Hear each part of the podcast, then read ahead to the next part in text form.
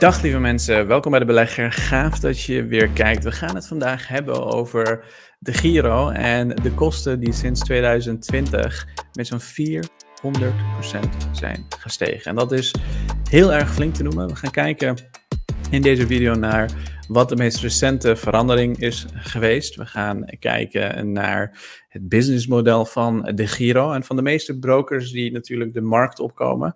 We gaan uh, kijken naar de veranderingen over de loop van tijd heen. We gaan kijken zelfs naar de omzet en winsten van de Giro en we gaan kijken naar de koersverloop. En we gaan dus proberen erachter te komen waarom die prijsstijgingen zijn geweest wat dat betekent voor ons allemaal en wat je zou kunnen doen om te zorgen dat je in ieder geval als belegger zijnde, uh, als lange termijn belegger zijnde, uh, jezelf een beetje indekt tegen die kosten. Want dat kan soms een flinke hap ijzerrendement uh, nemen. En zeker als je een kleine belegger bent, kan het een hoop schelen. Dus ik hoop dat al die vragen na deze video beantwoord zijn. En uh, laten we meteen beginnen met wat er precies is veranderd. We kregen allemaal een e-mailtje met de veranderingen. 1 euro commissie voor Amerikaanse en Canadese aandelenbeurzen. En een nieuwe kernselectie en 1 euro handelingskosten per transactie voor alle ETF's. En als je je afvraagt wat dat specifiek betekent, dan ben je waarschijnlijk niet de enige. Want ik kreeg ontzettend veel vragen van mensen die mij een bericht sturen van, joh, hoe, wat, wat is hier aan de hand? Wat, wat, wat zien we nou daadwerkelijk voor ons? En in die tabel voor je zie je een aantal dingen. Je ziet commissie, je ziet handelingskosten en je ziet valutakosten. Dat zijn de drie belangrijkste kosten die je maakt bij het maken van een transactie. Er komen meer kosten bij kijken, zoals bijvoorbeeld een bewaarloon of service fees. Bewaarloon heeft Giro overigens niet, maar um, dat, dat soort kosten komen wel bij de meeste brokers bijvoorbeeld uh, kijken. Dus er zijn meer kosten dan dit, maar even voor het gemak gaan we kijken naar deze drie uh, belangrijkste kosten. Want da daar heb je uh, regelmatiger mee te maken bij elke transactie. Je hebt ook bijvoorbeeld een gedeelte dividendkosten als je een custody account hebt. Je hebt bijvoorbeeld uh, uh, bepaalde kosten, lopende kosten bij ETF's, bij fondsen. allerlei verschillende kosten heb je over het algemeen. Maar we gaan het proberen zo simpel mogelijk te maken. Um, de meest belangrijke kosten die je bij elke transactie meemaakt, zullen commissie handelingskosten en valutakosten zijn. En dat is dus ook wat je zag in de e-mail. Je ziet 1 euro commissie voor Amerikaanse en Canadese aandelenbeurzen. Dat was hiervoor 0, want de Giro had een tijd geleden bekendgemaakt dat ze 0%, eh, of een 0 euro commissie eh, kon vragen. Dat was toen hip. Uh, en je ziet een nieuwe uh, kernselectie en 1, 1 euro handelingskosten per transactie voor alle ETF's. En voor die ETF's blijft de commissie nog steeds 0, maar handelingskosten zijn in het leven geroepen destijds, omdat de Giro um, ja, heel simpelweg uh, een, een, een, trucje uitvoerde om te zorgen dat ze uh, nieuwe beleggers binnenhaalden. Dus wat je vroeger zag, bijvoorbeeld in 2020, zag je een commissie van 50 cent, maar geen handelingskosten. Dat bestond toen niet. Valutakosten waren in die tijd zo'n 0,1% 2021 ging de commissie naar 0. En de handelingskosten die werden een euro. Dus Eigenlijk betaalde je nog steeds wel een commissie, alleen het werd anders genoemd om op die manier met 0 euro commissie te kunnen adverteren. We gaan zo meteen in op waarom ze dat deden en waarom de meeste brokers dat soort uh, geniepige dingen doen, wat, wat heel veel um, uh, mensen je overigens niet vertellen. Hè? En daar, daar zitten allemaal redenen achter, gaan we niet op in, maar hier krijg je in ieder geval het onafhankelijke verhaal. Maar handelingskosten, die gingen naar 1 euro, commissie was 50 cent. Dus eigenlijk ging je laten we zeggen, commissie, um, even gechargeerd gezegd, gingen je kosten met 100% omhoog wat dat betreft. En dan hebben we het nog niet eens gehad over de valutakosten. Die gingen met 150% omhoog. Van 0,1% naar 0,25%. Dus best hoog. 2020, uh, 2022 bleef dat gelijk. In 2023, dus nu, zie je dat die commissie weer terugkomt. Bovenop die handelingskosten. Dus je uh, commissie is in principe in deze keer weer verdubbeld. De valutakosten blijven wel gelijk, maar ook in dit geval betaal je dus 2 euro uh, alleen al aan commissie en handelingskosten. Wat vroeger dus nog maar 50 cent was. En dat is best wel een gigantische stijging. En wat grappig is, na deze announcement dat ze de, de, de, de, de cijfers, of in ieder geval dat ze de kosten hebben verhoogd. Ja, voor ons is dat vervelend, maar voor aandeelhouders van de Giro was dat natuurlijk één groot feest. Die vonden het fantastisch, want het aandeel ging met 6% omhoog. En dit jaar is het aandeel al 38% omhoog gegaan. Als je kijkt naar de omzet en winsten die de Giro de afgelopen jaren boekt, dan zie je een gigantische stijging in de omzetten. Die zijn flink, flink gestegen. Vorig jaar ging dat een klein beetje omlaag, maar als tegenprestatie ging de winst natuurlijk flink, flink, flink omhoog. En dat heeft alles te maken met dus die gigantische prijsverhoging. Als we een beetje gaan kijken naar bijvoorbeeld Amerikaanse uh, een, een, transactie in de Amerikaanse uh, aandelen. Ik heb hier een aantal voorbeelden voor je neergehaald. We gaan ook naar ETF's kijken. Ik zal ook wat tips geven straks en zo. Maar laten we eerst, allereerst even kijken naar bijvoorbeeld uh, voor elke transactie voor Amerikaanse aandelen. In 2020, als je 100 euro had geïnvesteerd in een Amerikaans aandeel, dan betaalde je 10 cent aan valutakosten. 50 cent aan commissie en dus waren je totale kosten zo'n 60 cent voor een bedrag van 100 euro. Voor 200 euro was je 70 cent kwijt. Voor um, ehm, 500 euro was je 1 euro kwijt. Um, voor 10.000 euro was je ongeveer 10,50 euro kwijt. Voor 5000 euro 5,50 euro en ga zo maar door.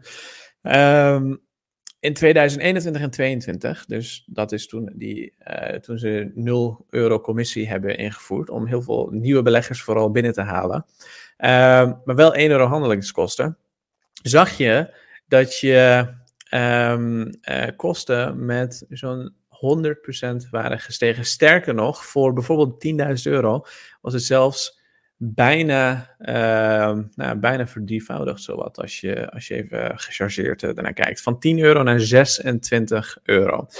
Um, je zag dat bij uh, kleinere bedragen, bijvoorbeeld voor iemand die 100 euro had te besteden, ging je transactie of totale kosten voor naar 1,25 euro. Voor mensen die 200 euro besteden, naar 1,50 euro. En ga zo maar door.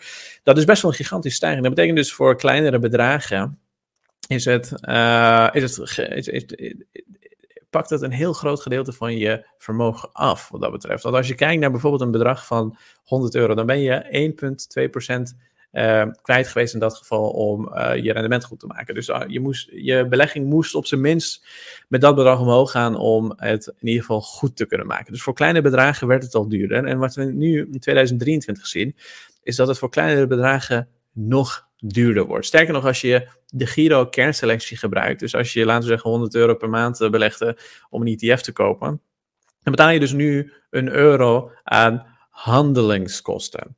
Je betaalt geen commissie, maar wel een euro aan handelingskosten. Dat betekent dus voor kleine beleggers uh, zijn ze waarschijnlijk voor 100 euro al 1% van hun rendement kwijt elke keer. En dat is, dat is jammer om te zien voor de kleine belegger, want dat wordt, uh, het wordt wat lastiger om vermogen op te bouwen. Ik zou hieronder een link plaatsen waarin je precies kunt lezen wat de effecten van dit soort transactiekosten zijn. Die kunnen op de lange termijn gigantisch hoog zijn. Um, maar we gaan zo meteen even naar oplossingen kijken. We gaan eerst even, moeten we even toch in die pijnlijke cijfers duiken hoe hard die kosten zijn gestegen. Het is altijd naar om te horen. Ik, begrijp dat heel goed overigens. Um, als je 200 euro belegt, uh, dan zal je valutakosten 50 cent zijn, je handelingskosten een euro, je commissie een euro. Dan zou je dus 2,50 euro kwijt zijn. En ga zo maar door. Voor 10.000 euro zou je 27 euro aan totale kosten uh, hebben. En als je dat dus vergelijkt en afzet tegen bijvoorbeeld uh, in 2020, dan zul je zien dat je voor een bedrag van 100 euro ruim 3 175% stijging ziet. En dat is gigantisch, dat is hoog. En het is ook jammer, want um, kleinere beleggers en kleinere beleggers, voor hun is compounding een van de belangrijkste zaken. Daar zie je toch dat uh, in ieder geval voor, voor 100 euro ruwweg 2,25% van je rendement al kwijt bent alleen al aan transactiekosten in Amerikaanse aandelen. Als je Nederlandse aandelen koopt, zou je, of Nederlands-Belgische aandelen, zou je normaliter zo'n 2 euro kwijt zijn, inclusief 1 euro handelingskosten. Dus dan zou je in 2021 en 2022 zo'n 3 euro kwijt zijn aan transactiekosten, wat al dus best hoog was. Dat betekent dus 3% van je rendement uh, is kwijt. Um, alleen voor Nederlandse aandelen heb je natuurlijk geen valutakosten. Dus die blijft, maakt niet uit welk bedrag je uh, stort blijft het rond de 3 euro staan. Voor uh, Nederlandse en Belgische aandelen nu in 2023 betaal je dus 4%. Dat betekent dus dat het, of 4 euro, dat betekent dus dat het met 30% ongeveer is gestegen. En dat is best hoog. Dat is, uh, ik bedoel, ja, het is wat het is. Het is, het is een euro hoger, laat ik het zo zeggen, uh, voor elke transactie die je uitvoert. En Kijk, voor als je een grote belegger bent, in de zin van als je, in, in, in mijn geval maakt het niet denderend veel uit. Ja, natuurlijk is het altijd naar als je meer moet betalen, maar we gaan zo meteen in op waarom dat eh, het, het geval is en hoe je jezelf kunt indekken. Maar voor de kleine belegger is natuurlijk gigantische, gigantisch hoge, hoge stijgingen. Voor een uh, grote, voor een kleine belegger die 100 euro per maand uh, investeert in ETF's, die is nu 1% van zijn rendement kwijt daarin. En uh, als, je dat, als je dan ook nog eens de, de kosten van dat ETF zelf meeneemt, vaak ligt dat, laten we zeggen, rond een half procentje of minder, of meer, ligt eraan welke ETF je hebt, dan ben je dus anderhalf procent aan rendement kwijt elk jaar. Ook al maak je de ETF verlies. En dat is Um, als je daar bovenop nog eens uh, naar belasting zullen kleine beleggers dan niet uh, betalen. Dus dat is wel fijn. Maar goed, je snapt het punt. Laten we zeggen dat je een ETF-belegger bent. Dan betekent dit dus dat je pas als je 200 of 300 per maand te beleggen hebt, als je dan naar betere ja, de, de, de, dan misschien wat rendabeler is en slimmer is om te investeren dan als je 100 euro per maand te beleggen hebt. En eh, ik weet dat er heel veel YouTube-video's uh, te vinden zijn waar mensen mensen uitleggen dat ze 100 euro per maand kunnen beleggen. En voor die mensen zal het dus een stuk minder aantrekkelijk, aantrekkelijk zijn. Maar het is geen slechte, het is niet uh, het einde van de wereld. Je kan bijvoorbeeld die 100 euro opsparen en elke twee of elke drie maanden beleggen. Dat zou een hele mooie optie kunnen zijn om je kosten zo laag mogelijk te houden, in plaats van als je dat elke maand doet. Uh, datzelfde geldt overigens voor grote beleggers die hun uh, kosten laag willen houden. In plaats van als je het maandelijks doet, zou je het elke twee of drie maandelijks kunnen doen. Hou je kosten uh, een stuk lager. Um, en je zou dan kunnen zeggen, ja oké, maar uh, dollar cost averaging, je moet dat per maand doen, maar dollar cost averaging betekent gewoon periodiek beleggen, die periodes bepaal je natuurlijk zelf. Dat kan één keer per jaar zijn, één keer per maand, enzovoorts, enzovoorts. Uh, en ja, uh, uh, ik zou wat dat betreft, ja, het is geen einde van de wereld. Je maakt natuurlijk regelmatig flinke kosten in je, in, in je dagelijks leven. Je wilt alleen als het om geld gaat en, en als het om beleggen gaat, dat je je transactiekosten zo laag mogelijk houdt. En in dit geval maken ze het niet heel erg makkelijk. Maar je zou die kosten bijvoorbeeld ergens anders kunnen besparen. Uh, dat, dat zou een idee kunnen zijn. Uh, of simpelweg, ik denk dat de meest makkelijke optie zou zijn voor kleinere bedragen om te zorgen dat je eens in de twee of eens in de drie maanden uh, investeert. En dat lost al in ieder geval een heel groot gedeelte van je transactieproblemen op. Ik zal nogmaals hieronder linken wat de effecten van transactiekosten zijn over de hele lange termijn. Um, dus dat, dat is het simpelweg. En wat dit betreft, kijk, de reden dat de Giro de natuurlijk doe. Dit is niet iets nieuws. Dit is iets wat we continu zien over de loop van jaren heen. Uh, en dat is dat brokers vaak klanten binnen proberen te halen. En eigenlijk veel verschillende bedrijven werken op deze manier. Die proberen klanten binnen te halen met hele lage kosten. En als je nu overstapt naar een andere partij, ten eerste kost dat redelijk veel geld. Kost opportunity cost, omdat je aandelen natuurlijk een tijdje uh, moet overzetten naar een, een, een ander bedrijf en zo. Maar um, over het algemeen, ja, dat bedrijf gaat uiteindelijk ook groeien. En dat bedrijf gaat ook de kosten weer verhogen. En als het ze niet lukt om te groeien, gaan ze misschien wel het land uit, enzovoorts, enzovoorts. En uiteindelijk zul je altijd wel prijzen moeten betalen die en voor jou en voor de broker rendabel zijn. En uh, als de broker zijn zaken goed op orde heeft, dan zul je over het algemeen niet, uh, nooit hoge verliezen leiden. En hoe hoger je bedragen worden, hoe meer je uh, per transactie investeert, hoe lager je transactiekosten natuurlijk percentueel gezien worden. Dus als je daarop let, dan zit je over het algemeen veilig. Kijk, je bent uiteindelijk zelf verantwoordelijk om te zorgen dat je dat soort berekeningen voor jezelf maakt en dat je zo min mogelijke kosten betaalt als belegger. Je wilt uiteindelijk je kosten zo laag mogelijk houden. En um, daar moet je gewoon berekeningen voor maken. En als je kleinere bedragen te beleggen hebt, dan moet je gewoon even misschien een maand of twee bijsparen of bij bij je houden en per twee maanden of drie maanden beleggen. Nou, dat, eh, dat is heel, heel simpel gezegd. En uh, de meeste van deze bedrijven, de meeste van deze brokers, die proberen met lage kosten mensen binnen te halen, want ze weten hoe lastig het is om uiteindelijk te moeten switchen. En die kosten, die lage kosten, gaan ze natuurlijk over de loop van tijd heen terugverdienen. En dat, die fase Zeker na de overname van de Giro, want de Giro is overgenomen door een uh, Duitse bank. Dat is de fase waarin de Giro op dit moment zit. En dat is wat we dus nu aan het zien zijn in die kosten. En de verwachting is dat over de loop van tijd die kosten natuurlijk ook een stuk lager of een stuk hoger zullen zijn. Overigens, uh, die valutakosten kun je dekken door bijvoorbeeld valuta niet automatisch te kunnen uh, te, te, te, om te zetten. Zeker als je veel in Amerikaanse aandelen handelt. ik doe relatief weinig transacties zelf, moet ik zeggen. Maar als je een actieve handelaar bent, dan kan het lonen om te zorgen dat je in ieder geval die percentage niet betaalt elke keer. maar dan betaal je wel 10 euro voor iedere keer als je dat dan zelf handmatig omzet. Dus als je dat heel weinig doet en je blijft dat geld gewoon continu in Amerikaanse dollars houden en je haalt het niet van je broker, ja, dan zou het eventueel rendabel kunnen zijn om daar naar te kijken. Overigens, er zijn andere brokers voor mensen die rond de 3, 4000 euro per transactie doen. Uh, dan ben je dan, dan, ja, dan, het is een stuk gunstiger om het bijvoorbeeld bij een bedrijf als Links te doen. Ik ben het aan het overwegen, ik ben aan het kijken of dat mogelijk is om dat te kunnen doen.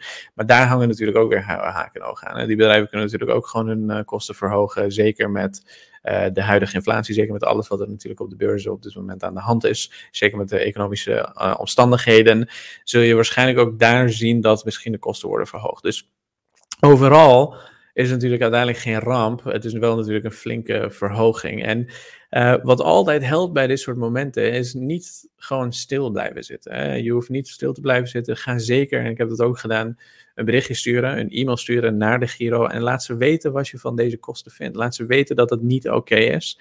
En dat ondanks dat de Giro winst moet maken, dat uh, wij als beleggers daar natuurlijk wel wat van te vinden hebben. En als je dat doet, dan zorg je in ieder geval dat ze de volgende keer uh, wat langer nadenken voordat ze de kosten blijven verhogen.